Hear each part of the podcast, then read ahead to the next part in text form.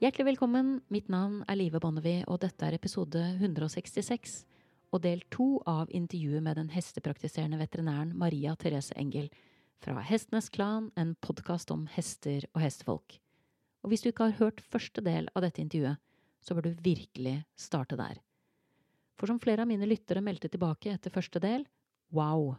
For en superinteressant episode. Dette var spot on! Utropstegn, utropstegn, utropstegn. Maria Therese har som mange av mine gjester en dyp og livslang kjærlighet for hester. Og som alltid så kommer vi til å gå rett på sak. Så hvis du mangler bakteppet fra forrige episode, så snakker vi om hvor tungt det kan være å endre seg, men hvor utrolig mye man får igjen for det. Og la meg legge til for egen regning. Selv om det er en møysommelig prosess å endre seg til det bedre, enten det er som rytter eller som menneske, eller begge deler, så er det ikke dermed sagt at den møysommelige prosessen er bare negativ. Snarere tvert imot.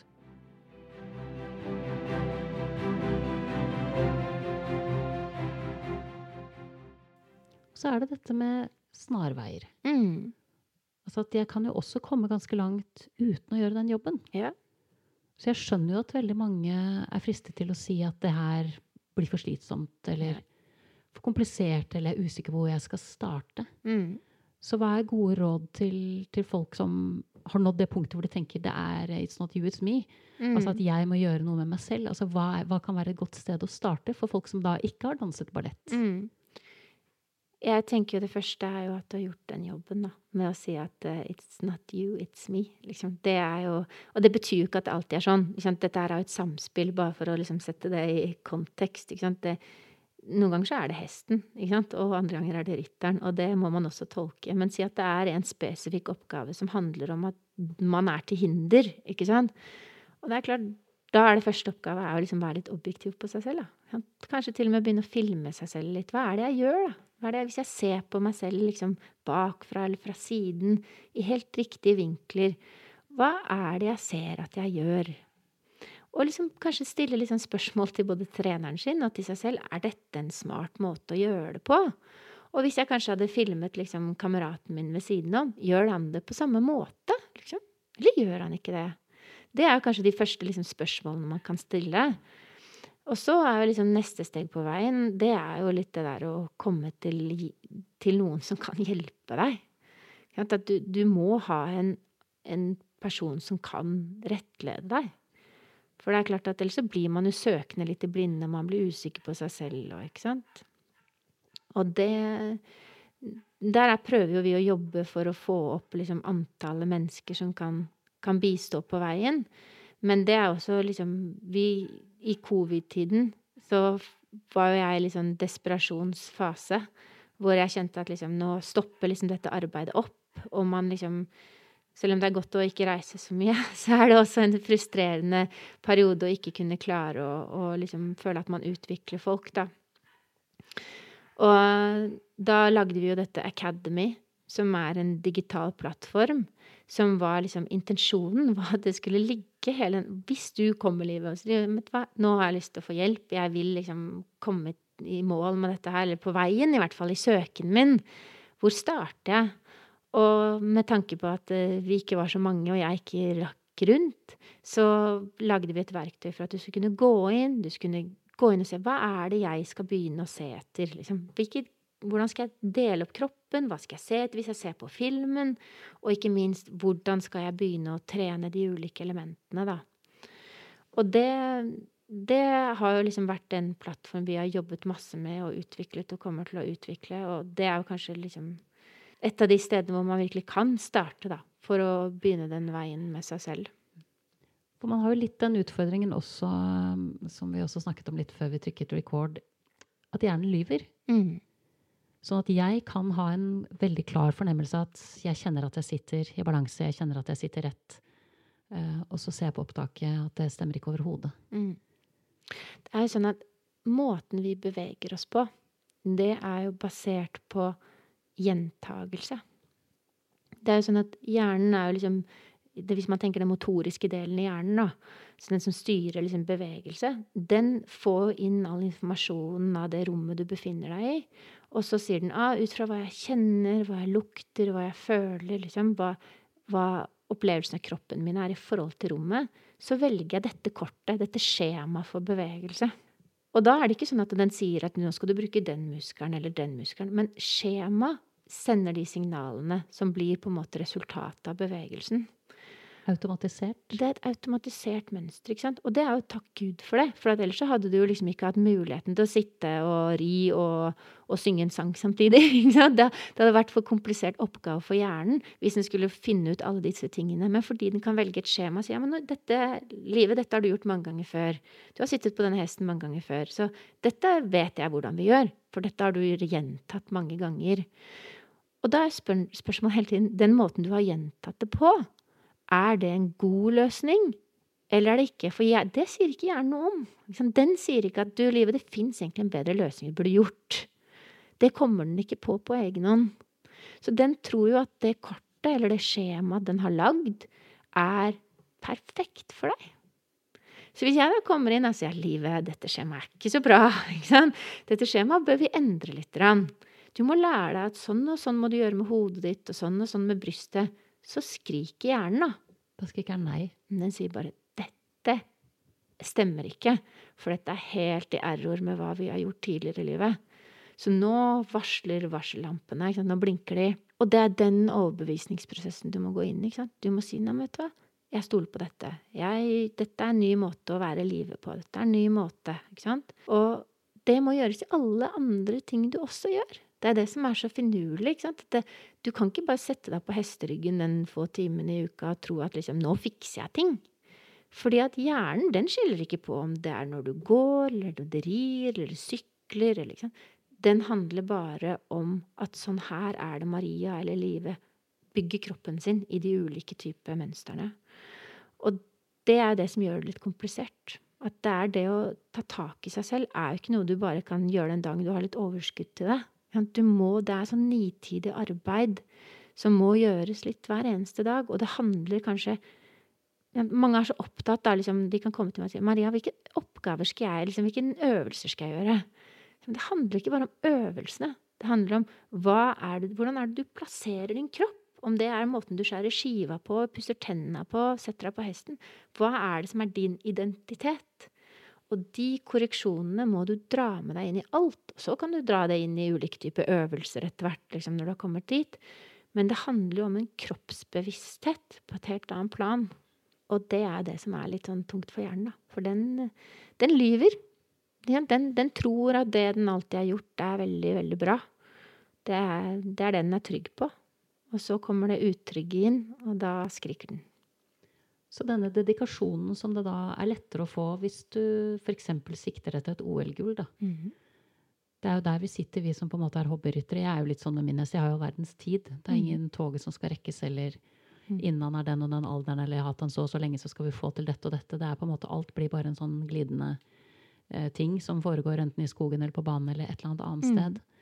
Um, så har jo mange jeg har snakket med, sier jo også at de i noen situasjoner kan si at de ser at ting kunne fungert bedre, eller ser at det finnes et potensial, men du brukte litt ordet 'gidder' i stad. Altså man gidder ikke helt. Mm. Og det er jo kanskje da hjernen som spiller oss et puss i forhold til å tenke, tenker at det er mye bedre at vi bare når vi fokuserer på det vi ikke kan. Dette kan vi. Mm. Så vi, vi, vi, legger støtet inn et annet sted. At det kjennes ut som bortkastet tid. Da. Mm. Det er da kanskje liksom menneskets natur, da. Jeg begynner å mistenke det. altså. Det er vel liksom feil. Jeg, jeg liker alltid å tenke at vi er maskiner, og liksom at vi men eh, jeg tror også at vi er glad i å ta en pille og tenke at det fikser ting, liksom. Så, og det gjør det ikke hvis du har tenkt å bli god på ri, ja. Det er, liksom, det er mer komplisert enn som så. Jeg tenker Det er fryktelig lenge siden var det ikke Cicero som sa det, at vanen er som vår annen natur. Mm. Altså at det kom fra et sted. Altså, mm. Altså det at vi ja, opptråkkede mønstre. Dette Det ser jeg også innenfor hestehåndtering og altså rent bare etikken i hvordan vi behandler hestene våre. Mm. Hvor seiglivete de forestillingene er om at det er, ja, at det er straff eller mm. å sette hesten på plass eller ta liksom veldig sånn solid kontroll. At det er det som gjelder. Og så er jo Det fins jo så mye forskning som viser at vi er på ville veier, da. Mm. Og så er det ingenting i livet som er svart-hvitt. Liksom og det tenker jeg, det er liksom sånn er det litt liksom noen, Jeg føler jo noen ganger når man liksom begynner å liksom peilt opp denne veien rundt, kall det sits, da. Jeg liker å kalle det teknikkutvikling, da. Så blir folk nesten liksom religiøse. At det, å, det er bare rytteren, liksom. Og sånn er det ikke. Liksom, noen ganger så er det hesten som må lære. Hesten som må forstå. Du må liksom Det er hesten som skal også utvikles. Og det er jo sånn at Ja, positiv reinforcement, liksom. Det der å kunne rose og motivere det er den beste løsningen, men innimellom så er det også kanskje sånn at man må ha verktøy for å si at nå, nå holder det også. Ikke sant? Så det er jo ingenting som er svart-hvitt, liksom. Og det, det, tror jeg er veldig viktig. At det, det, må ikke bli religioner på ting. Må, man, må, man, må, tenke at veldig mange mennesker besitter enormt mye kompetanse. Og hva er det som er bra av alle de delene som man kan flette inn i sitt system, da. Og så ikke tenke at liksom det er ikke bare rytteren, eller det er ikke bare hesten, eller det handler ikke bare om å drive den øvelsen igjennom. Liksom. Da må jeg kanskje ta et steg tilbake og tenke hva gjør jeg? Og når jeg faktisk gjør rett, så kanskje jeg også skal kunne kreve at det også funker litt bedre. Så det er jo en dialog. Men det er klart at det som vi snakket om i stad, var en, en, prestasjonsindivid. Det næres av å, å, prestere. Mens vi andre, vi næres kanskje av noe helt annet. Men det som kanskje jeg som veterinærens ståsted næres veldig av, det er jo helse. Og vi ser jo i dag at liksom de hestene jeg får inn i klinikken, og alle andre kollegaer får inn i klinikkene sine, det er jo hovedsakelig forbundet med prestasjonsnedsettelse, altså smerter relatert til skjelett- og muskelproblematikk. Og det er jo noe vi må være med å ta ansvar for. Liksom. Det er klart at hestene kan tråkke på en stein og skade seg, det er ikke det. Men det handler også mye om hvordan vi holder hestene. Hvordan de får gå alle de timene i døgnet uten at vi sitter på dem. Og ikke minst hvordan er det vi trener dem de få timene vi trener dem. Og det bør kanskje være en annen motivasjonsfaktor, da. Om ikke det er OL-gullet som motiverer deg, så er det kanskje det der å skape en holdbart individ som bør motivere deg. Og der tenker jeg at vi har en jobb å gjøre, ikke bare relatert til oss selv, men selvfølgelig også måten vi holder hestene på litt i dag. ikke sant? Det er sånn, Vi er så opptatt av at det å skape kontroll på egen kropp, det handler om en sånn enorm presisjon i bevegelse. ikke sant? Og så tenker man da at en hest skal liksom stå i en liten firkanta paddock, og så skal den gå i et ridehus liksom, uten noen form for en sten eller kupert terreng, for det kan den faktisk skade seg på. Og så skal den gjøre det med veldig høy presisjon. Liksom. Den, og liksom, man bygger jo ikke en sunn hest. Liksom, man bygger ikke et, et individ som egentlig kan ta vare på sin kropp. Fordi at det eneste den belastningen den får, det er det lille du gjør inni det ridehuset. Og det gjør du kanskje heller ikke alltid like godt da, med din kropp. Og da stiller du desto høyere krav til deg. Mens hadde den hesten kanskje fått gått i flokk, den hadde gått ut og løpt med kompiser i steinrøysa, liksom, så hadde den bygd seg sterk, den hadde bygd seg motorisk, den hadde lært seg gasse og kløtsje og bremse på samme tid, ikke sant? Den hadde lært seg koordinasjonsaspektet, som gjør at det også er litt mindre belastende den jobben du gjør. Du bygger et holdbart individ så det, det, er flere aspekter av liksom måten man driver hele hesteholdningen på, og ikke minst det ansvaret vi Vi legger jo egentlig et enormt ansvar på oss selv ved å drive det og ha det i en liten firkant og ri det i ridehuset. Fordi den timen du da gir det i, den skal du ha kontroll på deg selv. For ellers er det en belastning som er negativ forstått. Så noen ganger så tenker jeg det er viktig å stille litt spørsmål. Er det sånn her som er det lureste, eller fins det andre måter som kanskje er smartere, da? Og det tenker jeg jo at eh, noen ganger fins det kanskje smartere måter. ja, uten å bli for politisk i det. Ja. Jeg tenker det er viktige stikkord med, med, å ikke gjøre det til en religion. Mm.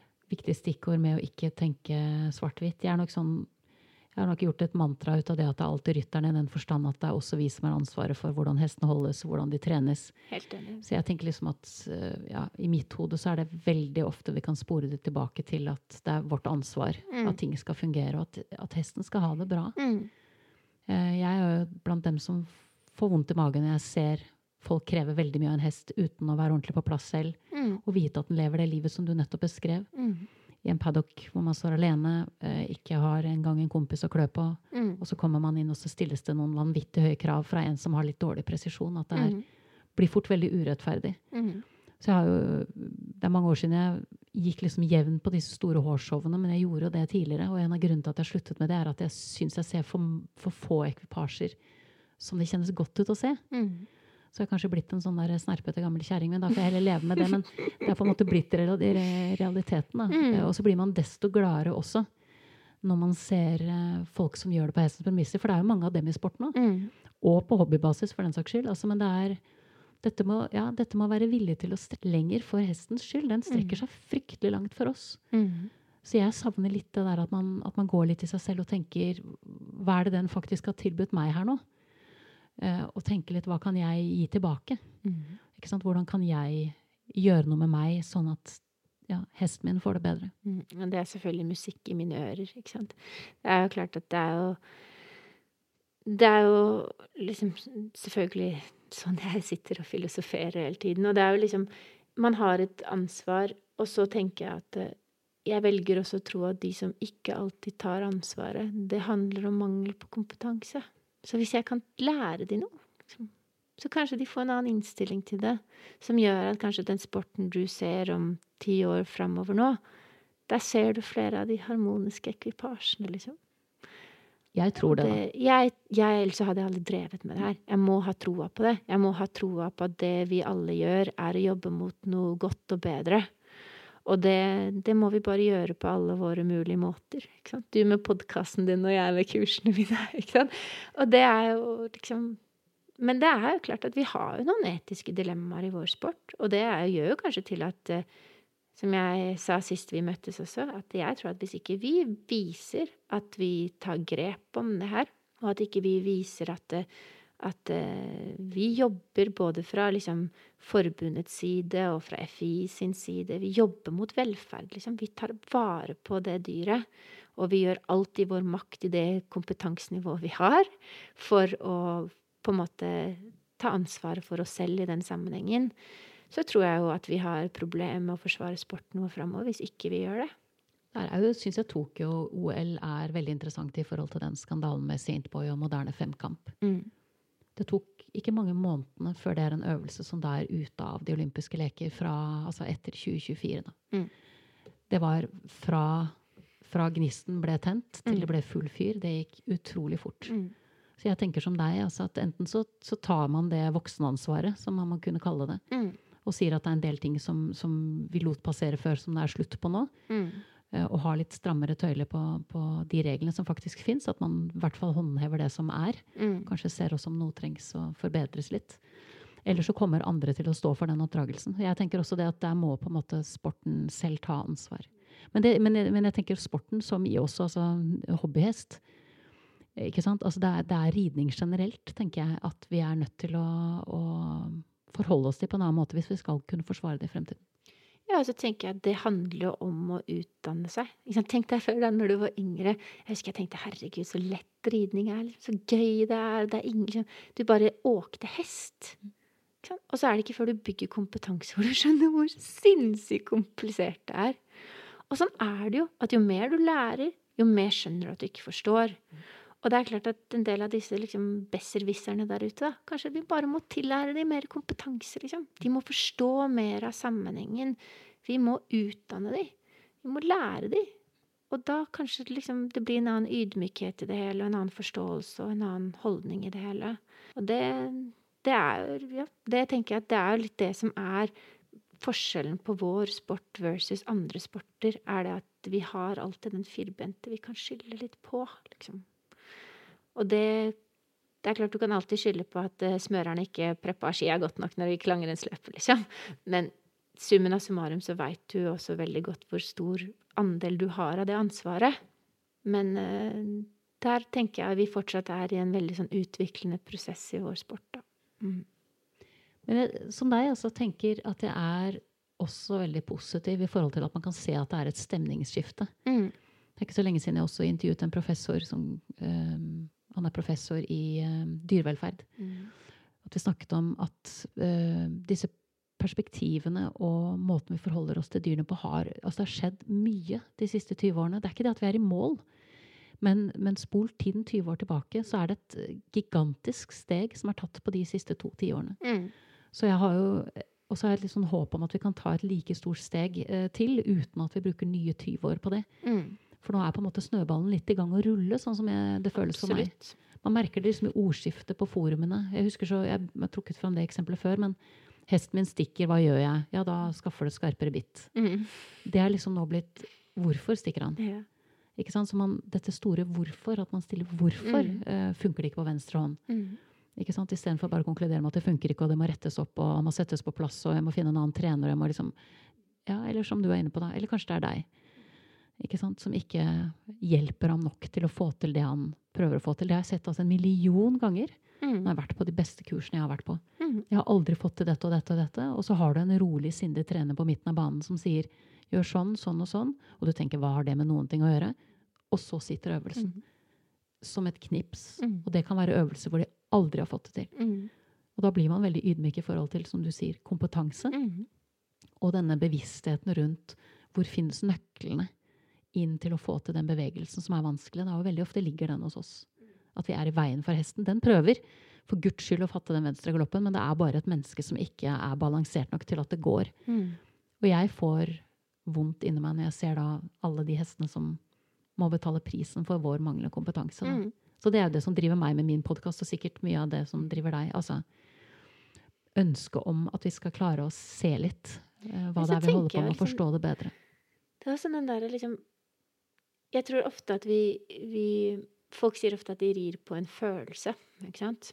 Og, og en følelse er jo basert av veldig mye. Ikke sant? Hva er det som gjør at du sitter med den følelsen for ting, da? Og ikke minst så tenker jeg at eh, Si at du tar den galoppen, da, som du sier. Hva er det jeg skal gjøre med min kropp for at det skal bli den og den galoppkvaliteten, da? Eller den og den galoppen, for å si sånn. Og da er du ikke liksom bare ned på et nivå om at eh, liksom, ja, galopp er en tretakt. Liksom. Men hva er det jeg skal gjøre, da? Hvordan er det jeg skal skifte om bekkenet mitt? Hvordan skal skjenkelen ligge? Hvor skal brystet være? Skal... Og den, den forståelsen føler jeg ofte at er en mangelvare. Man tenker at liksom, ja, nå skal jeg fatte galoppen, og så legger du til skjenkeren, og så skal han fatte galoppen. Men hva er det hesten egentlig skal gjøre med sin kropp for å klare å gjøre den fatningen, da? Eller hva er det hesten skal gjøre med sin kropp for å gjøre en versade, eksempel. Og når man stiller de spørsmålene, og det tenker jeg alle lytterne kan gjøre med seg selv, med de øvelsene de sitter med med sin hest, hva er det hesten skal gjøre for at jeg skal få et godt resultat i denne øvelsen? Og hvis det er som en sånn primitiv oppgave som å gå fra trav til galopp, hva er det hesten skal gjøre med sine ben for å gjøre det? Og hvis ikke jeg vet det, så er det helt umulig for meg å vite hva jeg skal gjøre med min kropp. Fordi hovedformålet med alt jeg gjør, må være å kunne speile det jeg vil ha i den hesten. Og hvis jeg ikke vet hva jeg vil ha, så vet jeg i hvert fall ikke hvordan jeg skal kunne speile det. Og da blir jeg plutselig avhengig av en trener hele tiden til å si nei, nå må du legge til skjenkelen, eller nå må du ta fram den hofta, eller nå må du ikke sant? Fordi at jeg kanskje egentlig ikke har skjønt hva det er jeg søker etter. Og det må jeg si at der blir jeg litt sjokkert, da. Hvis jeg spør f.eks. rytter sier hva er en travær? Hva er det hesten skal gjøre hvis den skal gå en travær over diagonalen? Hvordan er benisetningen? Hvordan er bekkenrotasjonen? Hvordan er hodet? Hvordan er nesa? Hva, hva, er det hesten skal gjøre med kroppen sin? Og Hvis jeg da tenker dette er det hesten skal gjøre med kroppen sin, hvis jeg skal speile det, hva skal jeg da gjøre med min kropp? Handler det bare om en tøyle og en skjenkel, eller handler det om mye mer detaljer enn som så? Og hvis jeg klarer å sette disse puslespillbitene sammen, så blir plutselig ridning egentlig ikke så komplisert. For da handler det bare om å speile det jeg vil ha. Og det må være teknikken. Det er sitsen eller teknikken, istedenfor at liksom At man på en måte rir på denne følelsen da, som du ikke vet egentlig hvordan du skal oppnå. Og så bare gjør du masse ting for å håpe at du oppnår den, istedenfor at du har en systematisk plan for hvordan er det jeg skal bringe meg til den følelsen. Og det tror jeg er liksom kanskje den viktigste oppgaven vi kan gjøre i relasjon til oss selv. Liksom, vi må først vite hva er liksom mine personlige error. Det er som jeg sier Når jeg får inn en ekvipasje, så sier jeg ok, hva er liksom dine error? Pri én. Og så hva er hestens error? For hesten har også sine error. Hva er det hesten trenger hjelp med for å klare å komme bedre og bedre i de ulike tingene? Men hva skal du gjøre for å komme dit? Og de tingene må du ha klart i hodet ditt. Du må vite hva som er dine ulike posisjonsavvik, liksom som jeg må hele tiden jobbe med med meg, så ikke jeg er til hinder. Og så må jeg vite hva er denne hestens litt svake og sterke sider, som jeg hele tiden må ha i fokus. Og så er spørsmålet hva er det jeg skal sette hesten til teknisk sett for å løse det. Og hvis jeg da starter på nummer tre, da, som vi ofte gjør, vi hopper inn i en øvelse og så bare skal vi fikse det, ja, men da blir det jo aldri bra, ikke sant? Og det tenker jeg at liksom, der må vi begynne å stille disse hvorfor-spørsmålene igjen, da. Hva skal jeg gjøre? Hvorfor skal jeg gjøre det? Og hvis jeg klarer å, å få svar på det, da er jeg kommet et veldig godt stykke lenger i min utdannelse. Dette lignet veldig på svaret på mitt signaturspørsmål, eh, Maria. Ok. Hva du har lært gjennom din lange karriere som du syns at alle som driver med hest, burde vite. Å, det var et stort spørsmål. Jeg syns små spørsmål er så kjedelig. Ja, det var, et, det var et veldig fint spørsmål. Hva har jeg lært? Jeg har lært at hestene er utrolig følsomme. Og de liksom man Alle sier men herregud, de kjenner en flue, ja, de er kjempefølsomme. Ja, men du er ingen flue. Du er mange hundre kilo. I det øyeblikket du galopperer, er du oppe i mange hundre kilo som hesten drives rundt. Sånn at liksom det er klart de kjenner alle disse små tingene du gjør. Og jeg skal love deg at kommunikasjonen blir så enkel hvis du lager en enkel dialog. Hvis du har kontroll på kroppen din, så blir kommunikasjonen enkel. Og så slipper du mye unna frustrasjonen og den opplevelsen av dårlig dialog. Og det vil jeg si at det er kanskje min, det er hva jeg har lært meg. Jo, det er det at det, det kan gjøres så enkelt. Tusen hjertelig takk for praten. Tusen hjertelig takk for at jeg fikk lov til å komme. Takk. Du har nettopp hørt episode 166 og del to av intervjuet med Maria Therese Engel. Og dersom du ønsker å vite mer om å ri i balanse, så kan du besøke riderinbalance.com eller lese på min hjemmeside livebonnevie.no. I neste ukes episode er temaet rehabilitering av hester etter skade og sykdom. Da får jeg besøk av en veterinær som har dette som sitt spesialfelt. Og vi skal snakke om hva som er gode og mindre gode strategier for å få hesten tilbake til god helse. Når en hest skal rehabiliteres, så er det som kjent uhyre viktig å ikke gjøre for mye for fort. Men det er interessant nok et fryktelig dårlig alternativ å gjøre for lite for langsomt. Da gjenstår det bare for meg å takke min faste komponist Fredrik Blom, designeren av podkastens visuelle profil, Ove Hals, min gjest Maria Therese Engel, og sist, men ikke minst, vil jeg som alltid takke deg, kjære lytter, for tålmodigheten. Måtte hesten for alltid være med deg.